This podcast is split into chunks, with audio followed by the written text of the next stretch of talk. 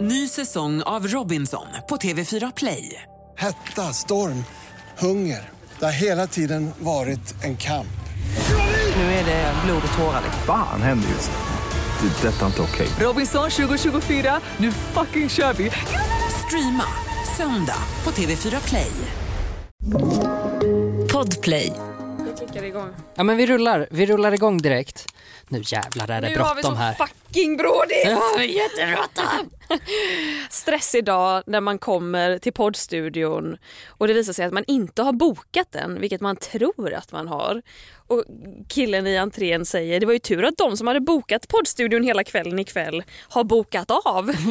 och jag får panik. Mm. Och sen visar det sig att ett, ett band ska repa, ska Ja, soundchecka. de kommer soundchecka lite, eventuellt under podcastens inspelning. Så att eh, hör nu i en bastrumma eller lite hi-hat så är det inte jag och Klara som har fått feeling utan det är några andra som har fått feeling som står utanför. Davva kommer älska att klippa det här Ja, avsnittet. Alla, kul. alla som gillar ljud kommer få krupp. Ah. Så därför har vi alltså, vi lovade dem att det här skulle gå undan på typ 45 minuter. Och någon i bandet sa, och ni börjar nu och vi bara ja och Ja. han bara nu nu. Och vi bara ja. Okej då. Konsten att vara, konsten att vara, konsten att vara, konsten att vara, konsten att vara, konsten att vara. Konsten att vara. Ja men du har haft en stressig dag alltså. Eh, nej, nej egentligen inte men jag har suttit Den blev det nu. Nu Nu- gick liksom hela mätaren Ja. för dagen upp i taket. Ja. Nu blev det en stressig dag. Parallellt med att jag har liksom idag satt mig ner för att beta av allting jag har skjutit på. Och jag är väldigt bra på att glömma bort saker jag skjuter på. Och då blir det som att när jag sitter ner och samlar mig lite och börjar komma ihåg att så här, just det, jag måste göra det, jag måste svara på det mejlet, jag måste betala den räkningen, jag måste skicka den fakturan. Då, då kommer jag på alla andra grejer jag har skjutit på. Och då blir det som att jag, jag får tillfällig ADHD och kan inte slutföra någonting för att jag konstant kommer på nya Ja. grejer. Och då påbörjar jag de här projekten för att inte glömma bort dem men så slutför jag dem inte för att jag- går tillbaka till det här gamla eller kommer på något ännu nyare. Ja, så det har jag suttit med hela dagen och sen så slutade det med att jag satt och googlade hotell för att jag bara, jag måste komma iväg någonstans. Jag behöver semester. ja, lite så. Och då, ble, och då blev jag ännu mer stressad för att stället jag vill åka till som har så här asgod trailrunning spår och så här god gourmetmat. De hade jättefå rum kvar och jag vet inte vilken helg jag vill åka och då blev jag stressad över det. Vänta, vänta, trailrunning, alltså att man springer på, På kom stig. spring på gömda stigarna i Ja. Fast det är inte en gömd stig utan det är en Det är en friluftsarena. Trailrunning-stig. Gud, Pocahontas hade varit så annorlunda om hon hade varit ultramaratonlöpare. Verkligen. Hur mår du? Ja men jag mår bra. Mm. Alltså jag, jag, jag mår toppen. Det, jag har faktiskt det enda jag har att klaga på, för det måste ju finnas någonting, är att jag har, eh, jag vet inte om det är efter sommaren, jag har blivit lite blyg igen. Jag Oj. får ju min sociala ångest som liksom flammar upp lite ibland och nu har den så här slagit Oj, oj. Ah, i, ah, oh my lord. Who the hell? Det där var alltså bandet som repa, det var jag som slog mikrofonen. Det där har aldrig hänt. Nej. Okej. Jag har blivit lite blyg igen. Så den sociala ångesten har, ja, men att jag har så här blivit lite att jag inte riktigt vill beställa när jag ska beställa mat. Att jag tycker att det är lite jobbigt att fråga om det finns glutenfritt och liksom lite sådär. Så att jag har fått jobba lite mer på att göra sådana grejer för att jag märkte att, jag, att eh, när jag och Albin var lediga mycket i somras så blev det mycket att jag så lämnade saker till honom och bara kan inte du köpa kaffe? Eh, och så tyckte jag att sånt var jobbigt. Så att eh, nu är jag lite så trött i huvudet för att jag måste typ pusha igenom det hela tiden och så här Ja. Eh, och säga hej till folk i butiken och typ inte försöka få panik för att jag eh, känner mig så himla alltså, dum i huvudet när jag ska gå därifrån. Det finns ingenting som gör mig så osäker som när jag ska lämna en butik. Då jag bara, borde, ska jag säga hej? Ska, eller ska jag säga tack? Eller ska, vad ska jag säga? Men det finns ju sådana tillfällen som är pinsamma fast de inte borde vara pinsamma. Ja. Jag såg en TikTok om det.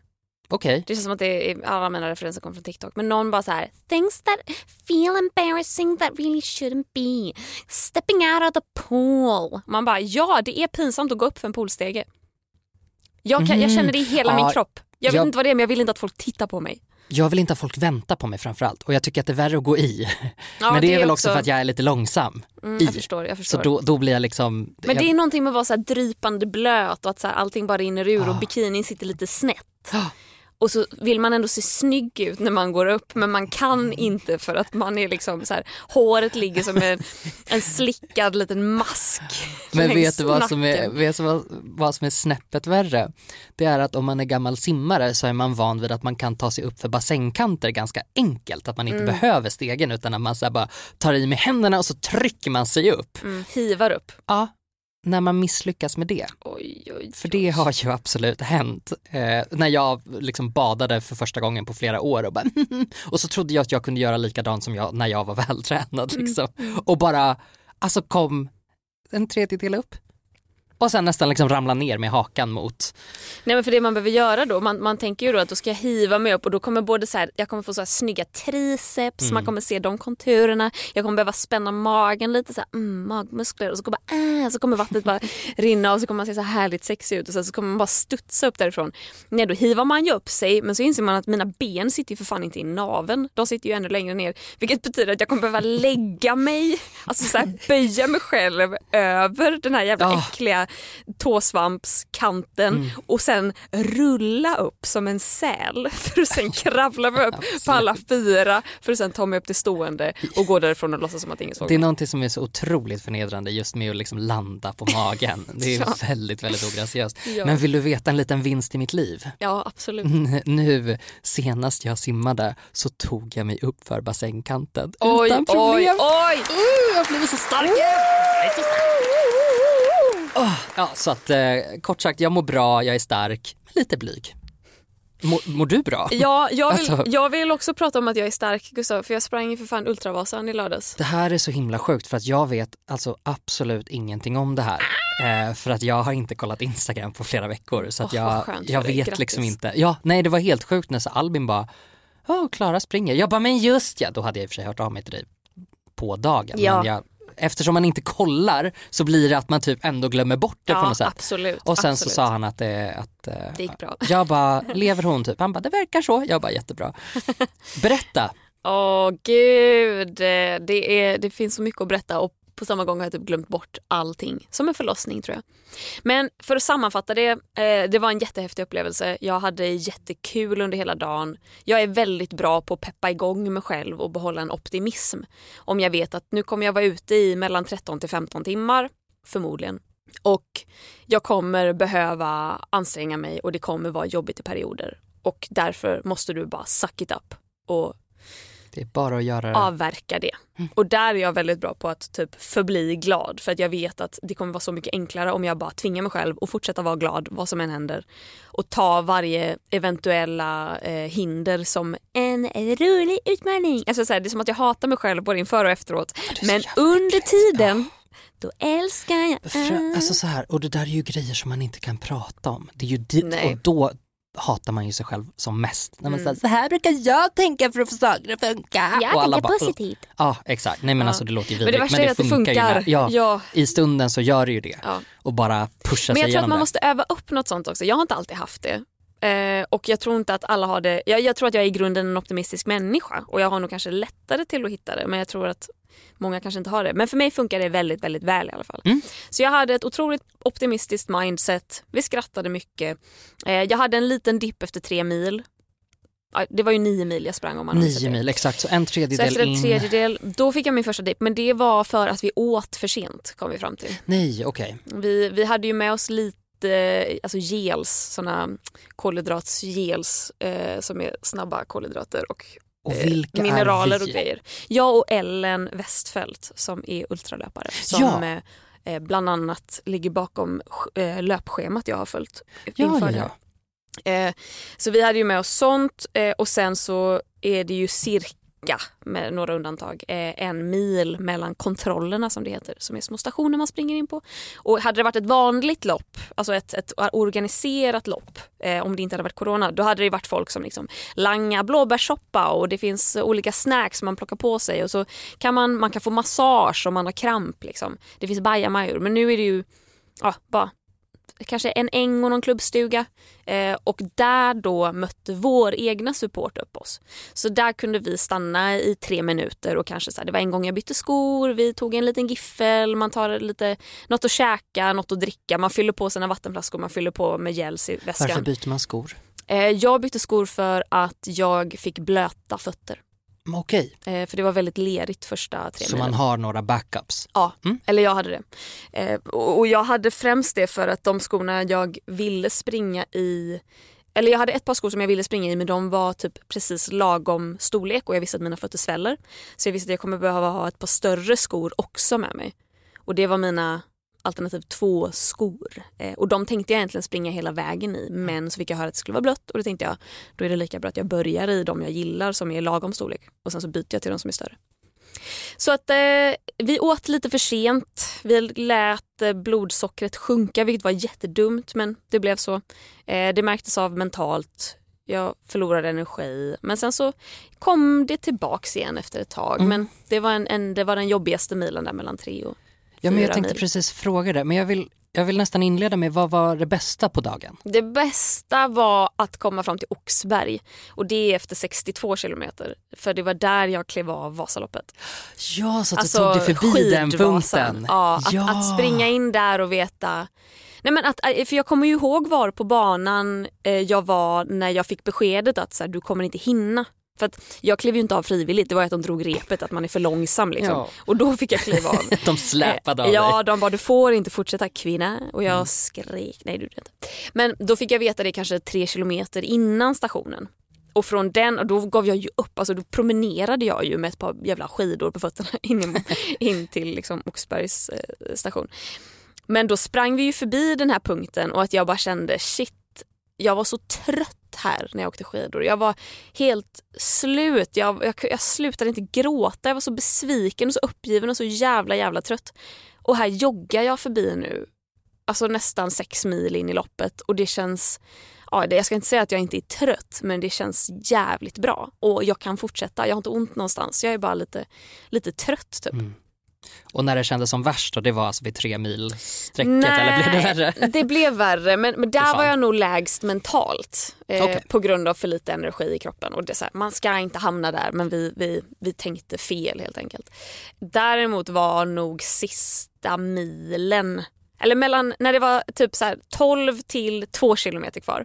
Den sträckan var så jobbig för att min högerfot började göra ont. Så här muskelvärk och att det blev svårt att typ lyfta foten. Så varje gång jag behövde så här lyfta upp foten för att ta ett steg så högg det liksom i hela benet och då var det bara så här: nej Ellen, nu går vi, jag vill inte springa mer. Och vi har gott om tid, vi kan gå i mål och vi kommer fortfarande in under 15 timmar som var liksom eller som är tidsgränsen när det finns ett faktiskt lopp och det var vårt mål att komma under 15 timmar. Nu när det har gått några dagar då, spontant, gör du om det? Ja gud jag Ja. vill springa längre. Nej vad roligt! Jag vill springa, alltså jag vill ju springa över 100 kilometer bara för att det är en så cool siffra men sen vill man ju ta det ännu längre. Jag vill ju springa över 100 miles. Det är något som Och tydligen... miles är 1,6 eller? Ja exakt, 1,6 så det är kilometer. 160, 160 kilometer I ett svep? i ett svep. Och det, det är någon sån ultradröm som jag tror många har, att springa 100 miles på under 24 timmar. Vilket betyder att du ska springa typ 7,5 kilometer i timmen i 24 timmar. Är det många som frågar dig varför gör du det här? Nej det är inte det. Är det inte det? Nej. Vill du fråga det? Eh, Ja, ja men det, det kan jag, jag förstår varför du gör det. Ja. Men jag frågar för de som kanske inte vågar fråga, varför gör du det? Gud, jag är så nyfiken på vad din bild av det här är. För jag kan tänka mig att din bild säkert stämmer väldigt väl men att jag kommer typ inte se den på samma sätt som du gör. Nej, för jag har så mycket teorier. Ja, okej. Men om jag... Vill du, ska jag säga först eller ska du säga Ja, först? säg du först. Ja, jag, jag gör det eh, till stor del på grund av att jag har ett jättestort hävdelsebehov. Eh, för att det är så många som eh, dels har typ, det var så många som var taskiga mot mig efter Vasan. Som tyckte att så här, det är helt sjukt att du ställer upp i Vasaloppet när du aldrig ens har stått på skidor. Du fattar väl att du måste träna inför ett Vasalopp eller är du helt jävla blåst? Och att man bara, det är klart att jag fattar sånt. Jävla dumhuvud, är det någon som är blåst så är det väl för fan du. Men jag kan väl inte hjälpa att SVT ställer mig frågan två månader innan Vasaloppet och att jag, ah, jag blev bara irriterad. Då tycker jag att då kan man säga så här, fan bra kämpat men typ äsch, bry dig inte så mycket om det. Du hade inte tränat så mycket. Så, Mm. ja. Man kan vara peppig istället för dum. Så dels var det här för mig en jätterevansch mot dem eh, som säger sånt. För att av någon jävla anledning så tar jag åt mig. Dels är det en liten revansch från att typ alltid ha älskat att idrotta men inte har varit så bra på det. Jag tyckte friidrott var jättekul och typ jag var jätteglad när jag hamnade på pallplats men jag vann aldrig någonting. Och eh, i skolan var man väl inte bäst heller. Och så det är så skönt på något sätt att kunna känna att här är någonting, jag har hittat det jag är bra på. Och att få utveckla någonting man är bra på är också en jävligt häftig upplevelse. Och sen tror jag det har att göra med att kanske göra någonting som inte många andra gör. Att jag går igång lite på det. Att jag är inte intresserad av att springa typ en maraton för då måste du springa fort. Men här kan du, alltså så här, du får springa långsamt och så får du fika halvvägs. Det är fan perfekt för mig. Mm. Ta en liten giffel, en liten kaffe, sitta ner, någon masserar ens vader sen sticker man i vägen. Eh, så så eh, 30% hävdelsebehov, eh, 40% upplevelsen och eh, 30% eh, hittat någonting som passar mig jävligt väl Mm. och som jag trivs med och som innebär att jag får vara utomhus och få vara ensam, rensa skallen, hålla käft ett tag. Hävdelsebehovet var det enda jag inte hade Nej. gissat på faktiskt. För det har jag inte riktigt, eh, jag har inte snappat upp det från när du har pratat om träningen Mm. innan dess så. Nej, och, och det ska sägas också att egentligen har det ingenting med träningen att göra utan det är väl mer målet. Att när jag ställer mig och ska genomföra en A till B-sträcka som är ett ultra, Ja, då är det som att säga haha, i era ansikten, jag klarade det här. ja. I träningen har ju jag haft en liten teori om att du har behövt ha ett projekt som är helt för din egen skull Mm. och inte för att eh, leva upp till ett eh, kontrakt som du har skrivit på eller eh, något socialt som du måste göra med Mm. vänner eller ja, alla de här små kompromisserna som man gör i vardagen hela tiden, vare sig det är vad man har på sig vid vilka tillfällen eller vilka fester man går på eller vad, vad som helst. Liksom. Mm. Att eh, det har jag tänkt har varit en stor grej och att Ja. du har behövt någonting att typ hänga upp livet på som har varit utanför din eh, karriär. Mm. Alltså någonting, jag, jag pratade med några kompisar för eh, ja, men, en vecka sedan kanske och vi satt och bara pratade, alla vi har gått in i väggen och eh, så pratade vi om eh, hur viktigt det är att ha någonting, någonting att fokusera på som inte är jobbet Mm. och eh, har man inte varit så besatt av sitt jobb och identifierat sig så mycket med den personen man är på jobbet och det man gör på jobbet så tror jag att man har så otroligt svårt att förstå hur viktigt det blir för den personen när den väl inser att den behöver det. Mm, mm. Att det Absolut. blir eh, att det blir liksom någonting som man, det är så mycket lättare att göra det när man är så här, jag behöver det här, jag vill ha det här. Ehm, som motvikt till vad man gör annars liksom. Mm. Det blir en sån himla sporre att, att det inte har med karriären att göra. Mm. Ja, verkligen. Och, och jag tror att för mig är det också någon form av mindfulness. Absolut. Att, för att jag vet att jag har ett behov av att göra saker dels under tystnad och i ensamhet. Men också att göra någonting där det inte finns några som helst krav. Nej. Att jag skulle kunna ställa mig på startlinjen till Vasaloppet och misslyckas med det. Och då får det vara. Alltså det är helt okej. För att den enda som sätter de kraven är jag själv på mig själv. Och då kan man hantera dem på ett Och- helt annat exakt, sätt. Exakt. För det är också Eh, frivilliga krav och det är inte dolda krav utan det är liksom man vet att det här vill jag göra. Mm. Det är svårare när man har massa så dolda krav på hur man ska vara eller hur man ska Mm. se ut. Mm. Men också typ att här, säga att det hade varit ett maraton och jag hade behövt träna intervallträning och tröskelträning och träning som innebär att jag tar slut på mig själv på ett annat sätt och blir svettig och andfådd och att det är tufft och att jag måste ta i. Eh, då, då tror inte jag att det hade gett samma mindfulness-resultat som ultraträning gör hos mig. För då vet jag att så här, det, det står en tid i mitt schema. Det kanske står 20 minuter lätt löpning eller det kanske står 220 minuter lätt löpning. Men oavsett, det, det bara handlar om att jag ska ta mig ut. Och har jag en riktigt trött, dålig dag, då är det helt okej om jag promenerar hälften av den sträckan. Men bara att jag tar mig ut och befinner mig utomhus och rör på mina ben, det är det enda som räknas och att det är så himla kravlöst. Och det har varit jätteviktigt för mig också. Att göra någonting som för en gångs jävla skull i mitt liv är helt kravlöst.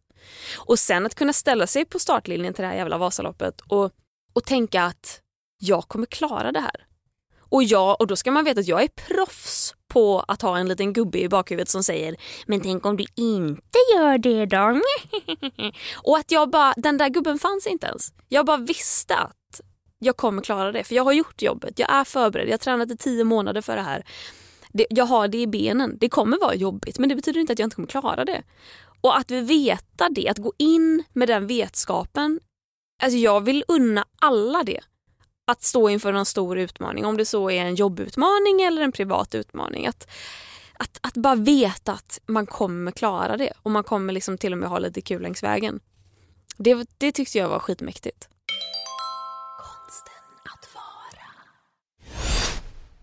Ny säsong av Robinson på TV4 Play. Hetta, storm, hunger. Det har hela tiden varit en kamp. Nu är det blod och tårar. Fan händer just nu. Det. Detta är inte okej. Robinson 2024, nu fucking kör vi! Streama söndag på TV4 Play. Ett poddtips från Podplay. I fallen jag aldrig glömmer djupdyker Hasse Aro i arbetet bakom några av Sveriges mest uppseendeväckande brottsutredningar. Går vi in med hemlig telefonavlyssning och, och då upplever vi att vi får en total förändring av hans beteende. Vad är det som händer nu? Vem är det som läcker? Och så säger han att jag är kriminell, jag har varit kriminell i hela mitt liv men att mörda ett barn, där går min gräns. Nya säsongen av Fallen jag aldrig glömmer på Podplay. Gott nytt år då Gustav. Gott det är ju för fan eh, september nu. Äntligen som vi har Ja. längtat. Har du några nyårslöften? Ja det har jag faktiskt. I år. ja det här är eh, Vänta, vänta, måste vi liksom bygga upp det här? Ponera att det är folk som inte Ja, har lyssnat på alla avsnitt. det. Nytillkomna nu var vi lite, lite härliga och interna här, men de som har lyssnat tidigare höstar vet ju att det här är ju konsten att varas riktiga nyår. Ja. Det här är ju tiden på året då vi verkligen startar om, gör om, gör rätt! Ta våra krafter vi samlade under sommaren och kanalisera dem i vad vi verkligen tycker betyder någonting. Exakt. Så nyårslöften då? Ja, Jag, jag vill lova mig själv att ta mig själv på semester i höst. jättebra. Trailrunning. Trailrunning, jag vill bara ta mig själv till någonstans där det finns orangea löv. Det vill säga att det måste vara första veckan i oktober, annars är det kört. Jättebra. Eh, Men jag vill bara springa i skogen, jag vill ta med min dator och sitta och skriva. Jag har så mycket idéer på, på vad jag vill skriva. Jag ska skriva en ny föreläsning bland annat. Och, eh, och så vill jag typ, jag vill ägna dagarna åt att ligga i en hotellsäng och läsa. Sitta vid ett skrivbord och skriva, springa i skogen och sen vill jag käka jävligt god room service. Och jag vill inte se nyllet på någon annan på i alla fall två dagar. Så det lovar jag mig själv att det ska jag ta mig iväg på. Lite konferens med mig själv kanske. Och ja, Clara Henry AB ska åka på Jag konferens. funtar på det. Fy Får jag fan dra sånt på företaget? Om jag ändå ska skriva en föreläsning så borde jag väl kunna få... Det måste du väl få göra?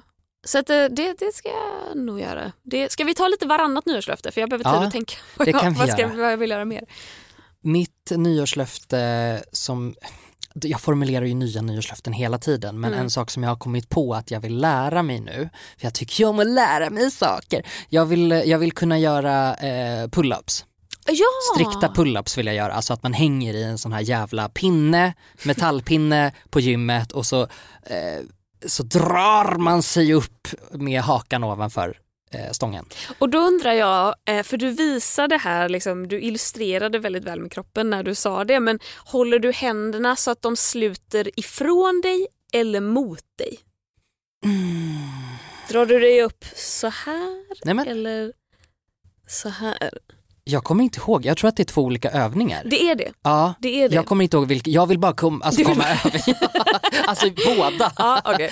Ja. Vet, kan det ena vara chins och det andra är pull-ups? Säkert, Kanske? säkert. Ja, mycket väl. eh, Det vill jag kunna i alla fall. Kul. Eh, Men så du det- måste ju köpa en sån pinne som du kan ha hemma. Gud, ja. Det ser för jävligt ut. Jag har ja, en det hemma. det, och det är fruktansvärt. Mm. Det bär fan emot. Det, det och jag tror att jag gå. förstör mina, mina, så vägg, mina ka- dörrkarmar Ja. med dem. Jo, men det, och det jag vågar ju inte ju. ta ner min nu när jag Nej. upp den för den kommer jag, det kommer ju vara två liksom, den är ju inte, man borrar ju inte, eller man kan säkert borra in den jag har men annars så bara skruvar man så att det blir tryck mot båda. Lite som ett duschdraperistång fast mycket, alltså, Starkare liksom. mycket starkare. Ja, så det, det är ett nyårslöfte som jag Ah, jobbar vad på. roligt. har eh, lovats hjälp av Thomas, vår vän. Ja, Men vet du, det är faktiskt jättebra och jag tror att det går väldigt snabbt när man väl börjar. För jag köpte ju en sån stång. Jag kan ju inte göra det från hängande men jag kan göra det från stående när axlarna är avslappnade. Mm. Om jag kan liksom spänna rygg och mage utan att spänna någonting annat på min kropp, då kan jag häva upp mig. Men inte om jag hänger. Men det, men det kunde jag ju inte, alltså när jag köpte den var jag ju bara, hur i helvete ska det här någonsin gå? Mm. Och sen så försökte jag ta mig upp, så varje gång jag gick förbi den så bara hängde jag i den och bara Ii! Och sen så till slut så bara gick det.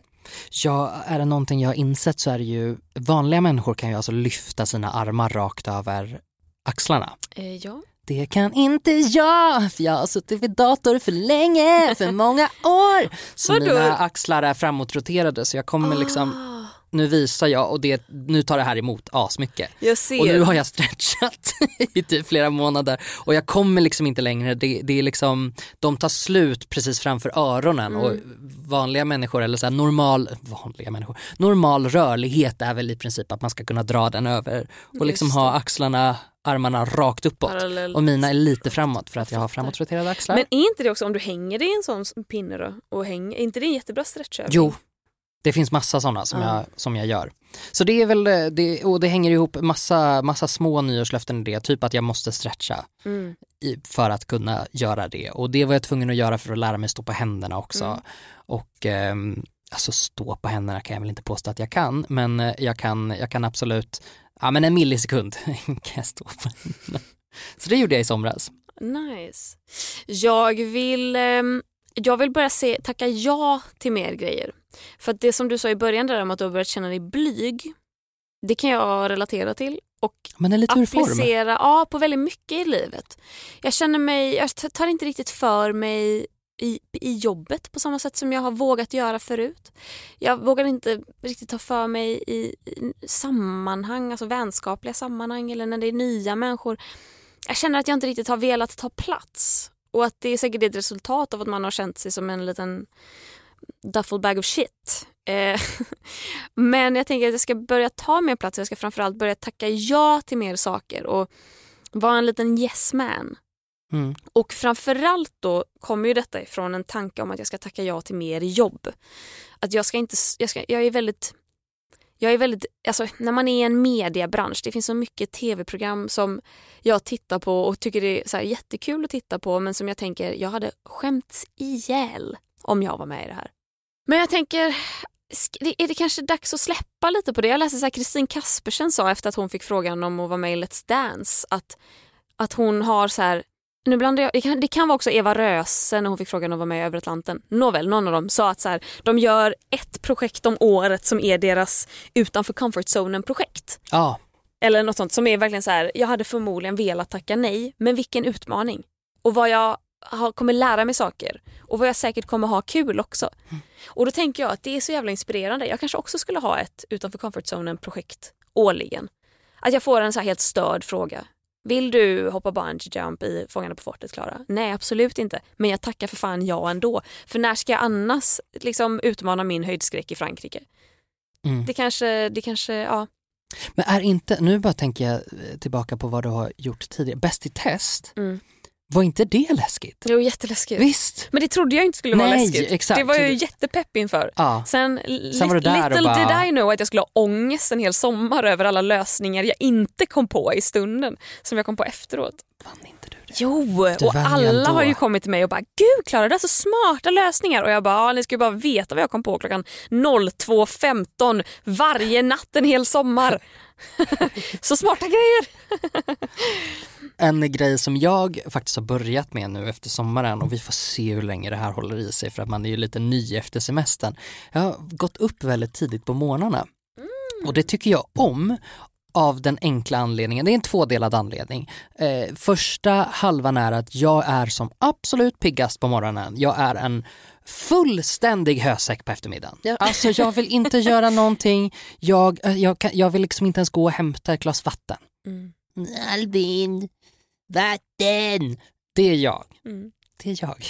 På eftermiddagen. På morgonen däremot kan jag göra hur mycket som helst. Alltså jag kan diska och städa och jag kan alltså jobba och jag jobbar tre timmars jobb på en halvtimme och är helt sjuk i huvudet. Så att ehm, ett nyårslöfte som också så är under ehm, jag är fullt medveten om att det kanske inte är rimligt i en längre period men jag gillar det så länge det varar. Eh, det nyårslöftet är att gå upp tidigt och med tidigt menar jag alltså klockan 05. 05.30, där är min, Fucking hell. där är min sweet spot.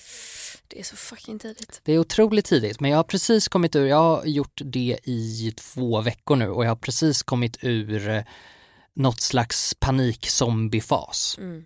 Men på kvällarna är jag så trött så att jag vet inte vad jag ska ta vägen någonstans. Men jag älskar den känslan också. Ja. Jag som har haft sömnproblem. Eh, Men du är över 30 nu Gustav. Ja, men, det, ja, det stadiga precis. förfallet har bara börjat. Ja, precis. Och jag märker hur jag förvandlas till min pappa. Mm. Att jag går upp så tidigt på morgonen. Jag blev alltid så arg på honom att han var tvungen att plocka med disken och han var tvungen att liksom pilla i vedspisen och liksom slamra. Och jag var så åh, kan du inte göra det där någon annan gång? Men nej, nej för att den bästa tiden att göra det på är klockan 05. Ja, jag fattar. 05.30, Men det en kopp kaffe. Ja, det är något otroligt tilltalande med att vara vaken när få andra är vakna. Ja, och jag älskar att vara ensam. Ja, Och det är, det är ett sånt legitimt ställ, eh, en så legitim tid att vara ensam. Ja. Medan jag kan känna så här, ja men jag älskar att vara ensam på en lördagkväll också. Men då känner jag mig lite mer så social press att så här, oh, Mm. utnyttja den här lördagskvällen tillräckligt bra. Men en tisdag morgon klockan 05.30, då får ju jag göra precis vad fan jag vill. mm. Det låter underbart. Mm, Det- jag låter har- helt utmattad. Ja, jag blir väldigt trött av att tänka Ja, det är så tanken vidrigt. på att gå upp 05. Har vi blivit väldigt äckliga människor för att vi har så här hittat någon slags, Lille Tönne, gå upp tidigt. är det någon som kommer vilja Ja. lyssna på den här skiten Nej. efter? Tveksamt. Och tänk positivt. Jag var inte ens särskilt dålig längre, det här är ju ett jävla skämt. Ja, jag har ett löfte som inte är helt formulerat men som jag liksom, det har väl växt fram lite i mig och som dels kommer ifrån att jag vill känna att jag vill upptäcka mer. Jag vill liksom jag vill ut i skogen och, och springa. Jag vill ju röra mig ute i naturen på något sätt. Men jag vill också typ äta mer mat ute. Att jag känner att så här, jag, jag, jag har köpt så lite nya grejer i form av typ kläder, skor, prylar det senaste halvåret, ja i alla fall, eller sen, sen årsskiftet jämfört med vad jag brukar göra. För att jag har en överhängande klimatångest som heter duga. Eh, och det känns faktiskt jättebra att inte ha handlat så jävla mycket. Eh, däremot så känner jag att så här, är det någonting jag vill lägga mina pengar på då är det ju mat för det måste ju för fan käkas ändå och då kan jag lika gärna köpa de här ekologiska grejerna och laga goda grejer eller äta grejer ute för den delen. Och då känner ju jag lite att detta i kombination med den lilla sociala fobi jag har utvecklat i och med att jag är en offentlig person som innebär att jag drar mig från att röra mig kanske i andra städer än Stockholm. I Stockholm är alla så jävla blasé. De har sett, sett så många kändisar så fucking många gånger så de bryr sig inte. Men typ varje gång jag har varit och giggat i andra städer eller jag kanske åker hem till Göteborg. Jag märker att folk tittar på ett helt annat sätt. Folk kommer fram på ett helt annat sätt. Och det ger ju mig det, det, det planterar ju en liten oro i mig och en, en ständig stress som jag vantrivs med väldigt mycket. Och att det har ju absolut ingenting med de som kommer fram att göra. Det är ju bara det att jag blir så jävla stressad och vill inte känna mig iakttagen och vill bli lämnad i fred. Och det är, jag vet att det här låter jävligt eh, otrevligt men sån är jag tyvärr. Och då, Du är som Bob, ja, jag är fan som Bob. som jättemysig jag vill bara gå, ibland och sen bara, titta inte på mig. Ja, Bob är min katt alltså. Ja. Inte en person. Nej men så att summa summarum. Jag vill upptäcka mark och natur, jag vill vara ute mer på restaurang och bar. Jag känner jag vill dricka mer bubbel. Varför dricker man bubbel så sällan? Kan man inte fira mer grejer i livet? Jag har druckit bubbel fucking varannan dag. Jag sprang Vasaloppet. Det har bara blivit så. Eh, och jag vill och jag vill känna att jag är lika berättigad som alla andra att få lov att befinna mig i offentliga miljöer. Jag ska inte behöva bli stressad över det. Så därför känner jag att jag ska, eh, jag ska... Jag måste ta mig ut mer. Jag måste ta mig utanför min lägenhet. Jag måste ta mig utanför Stockholm. Jag ska unna mig de här små resorna då kanske. Att så här, ta pendeln till, till ändstationen och vandra då liksom någon led någon dag. Eller kanske sova över på något hotell eller vandrarhem. Eller sitta ensam på en bar och läsa en bok. Liksom. Jag, vill, jag vill bara känna att, att den här världen är min också på något sätt. För jag märker att jag blir väldigt instängd i min egen lägenhet. För att jag är bara för stressad av tanken att någon skulle se mig då sitta ensam på en bar med en bok och komma fram. Eller typ så här, det här med att jag vill åka iväg på Clara Henry AB-konferens. Mm. Liksom, att då, då tänker jag bara, nej men jag kan beställa room service, jag behöver inte sitta i restaurangen. Och, nej men jag, jag, kanske, jag kanske tar med mig liksom min egen favoritöl, slipper jag gå till baren och beställa någonting. Eller jag kanske, alltså att jag, jag, jag låser in mig själv. Mm. För att jag bara avskyr tanken på att folk ska känna igen mig men jag känner att jag måste komma över det också. Och så ja, får folk bara respektera också att jag vill lämna, bli lämnad ja, i fred. Och jag tänker att det har väl blivit förstärkt också eftersom vi har haft ett pandemiår bakom oss ja. där man inte har, man är inte van vid att göra sådana saker längre samtidigt som man har ett litet uppdämt behov av det mm. och där kan jag också tycka lite grann att det har blivit så tydligt för mig att jag dels längtar efter men också när det blir svårt. Mm. Men då med det här nya tänket som du har då till exempel med löpningen, att så här, det här är bara någonting man gör. Och är det här någonting som skrämmer mig eller som känns jobbigt så vet jag att om jag bara, om jag bara gör det lite mer så kommer det kännas lite bättre. Mm. Så det är väl svinbra, det är klart du ska åka iväg på konferens, konfa. Hoppas det blir superfest, dricka bubbel. ska jag beställa... Hela kontoret ligger med varandra. ska jag beställa i sån, så här, när man har beställt så får allt så här, vill du beställa något fint till rummet? Så här, bubbel, två glas och chokladask. Ja, eh, ja tack. Hundra procent. Roslövblad på sängen. Ja, ensamsemester. Ja, åh oh, mysigt, jag ska fan göra det.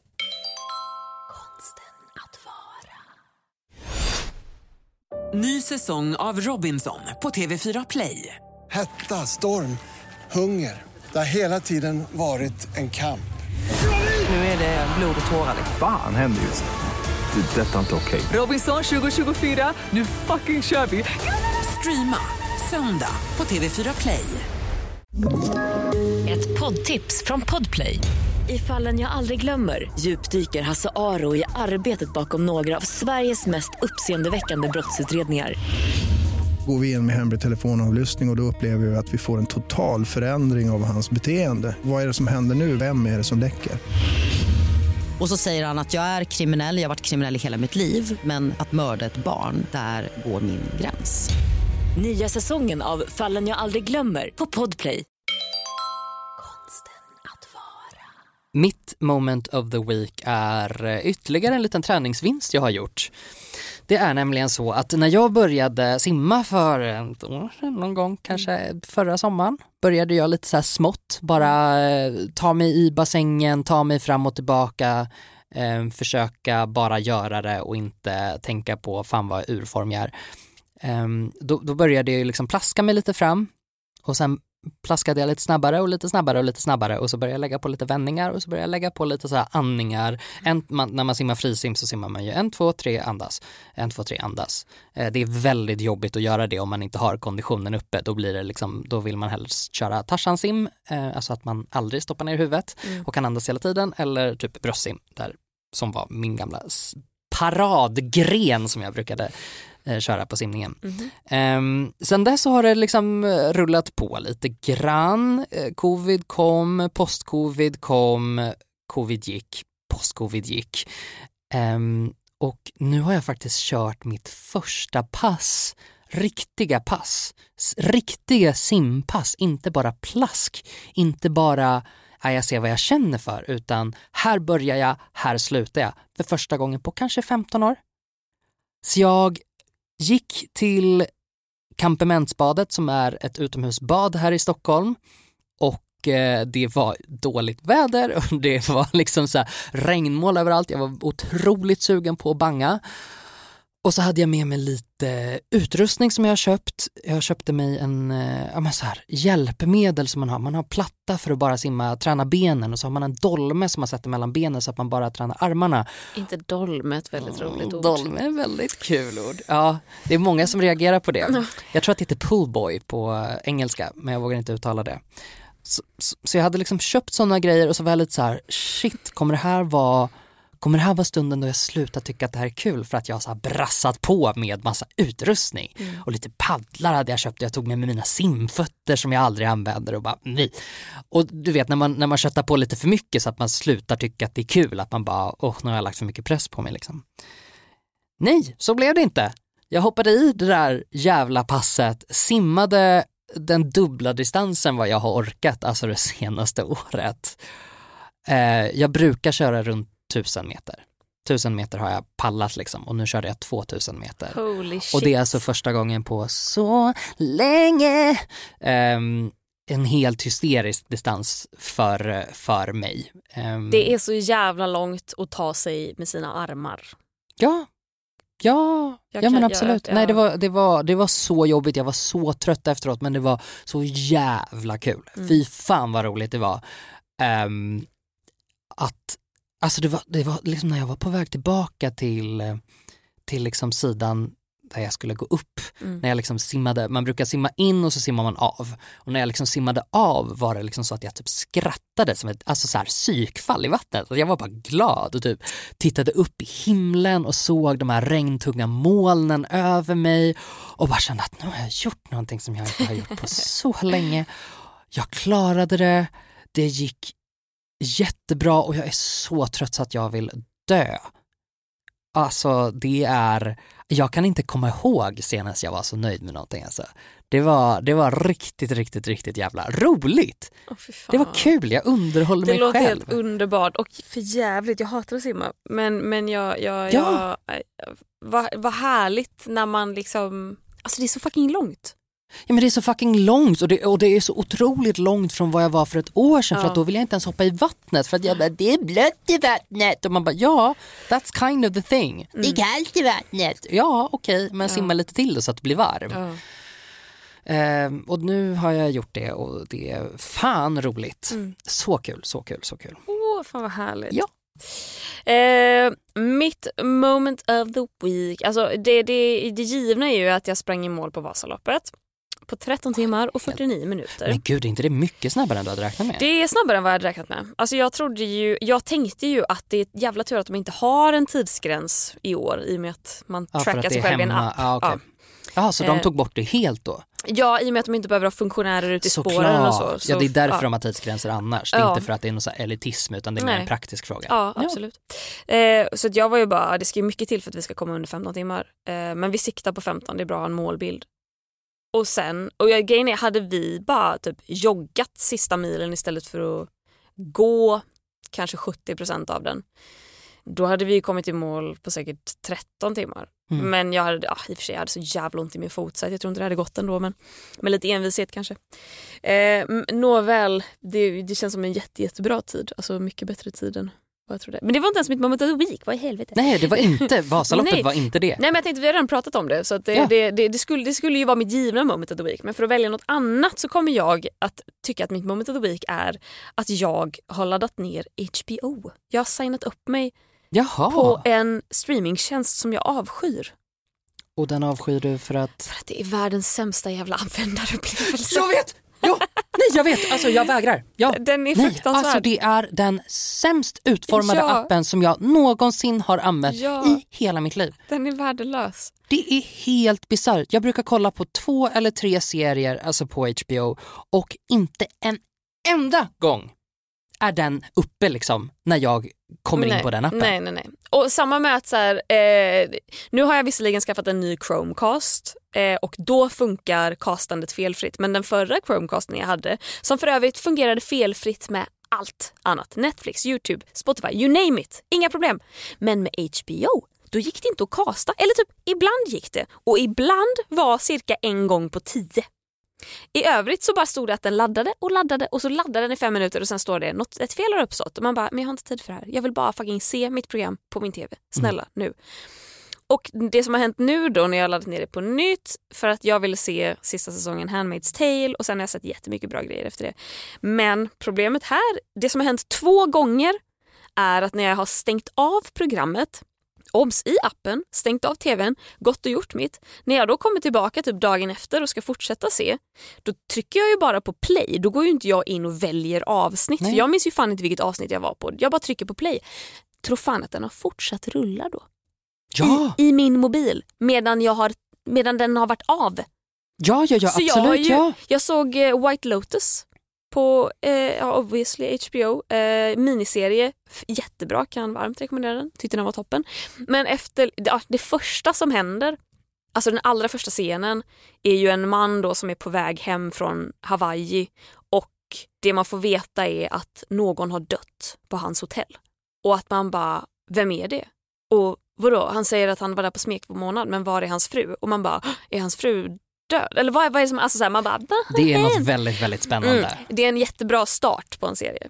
Eh, så jag såg första avsnittet och sen nästa gång jag skulle gå in och kolla, då är vi tillbaka på flygplatsen och ser massa karaktärer som är med i programmet och jag bara Jaha, vad konstigt att de visar. För nu förstår jag ju att de här har ju inte varit de som har dött då. Tills jag inser att jag är på fucking sista avsnittets sista tio minuter. Nej, alltså det är så mörkt. Varför? Nej, jag kan inte förstå det här. Det, man har blivit så otroligt bortskämd av Mm. Netflix.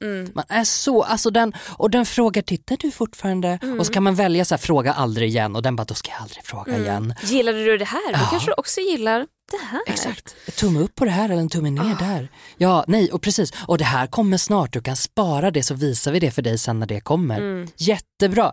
HBO, alltså det spelar inte ens upp samma avsnitt som man har slutat på. Man får gå tillbaka och så får man leta upp vilken säsong det var i och så får man liksom titta, leta upp avsnittet. Alltså det är det mest bisarra jag har varit med om. Det är verkligen det är som ett test i mänsklig, mänskligt tålamod. Ja. På något sätt. Och det var ju därför jag avinställde, eller inte ens avinställde, avprenumererade. För jag tänkte att jag ska fan inte få mina pengar. Synd att de har så jävla bra serier. Ja, det är så jävla synd. Men nu är jag ju tillbaka där igen. Så det, Ja, det, är, det är tuddelat moment of the week. Jag är glad att jag har fått se Handmaids och White Lotus. Och nu ska jag börja se Big Little Lies som jag inte heller har sett. Ja, vad spännande. Men eh, fy fan vad trist det är att det är just HBO. Okej, vi ska tacka våra 10 dollars patrons. Man kan ju supporta oss eh, ekonomiskt så att vi till exempel kan hyra in oss på Helio eh, poddstudio. Och det tycker vi ju väldigt mycket om. Eh, och ger man 10 dollar eller mer så får man dessutom en shoutout. Det tycker vi är en fair deal. Så shoutout och puss och kram till David Brostedt, Humlan, Elinor Johansson, Sara Perjons, Stephanie Settina, Knut, Hedda Lindström, Lolo Fät, Joakim Gustafsson och Isabelle.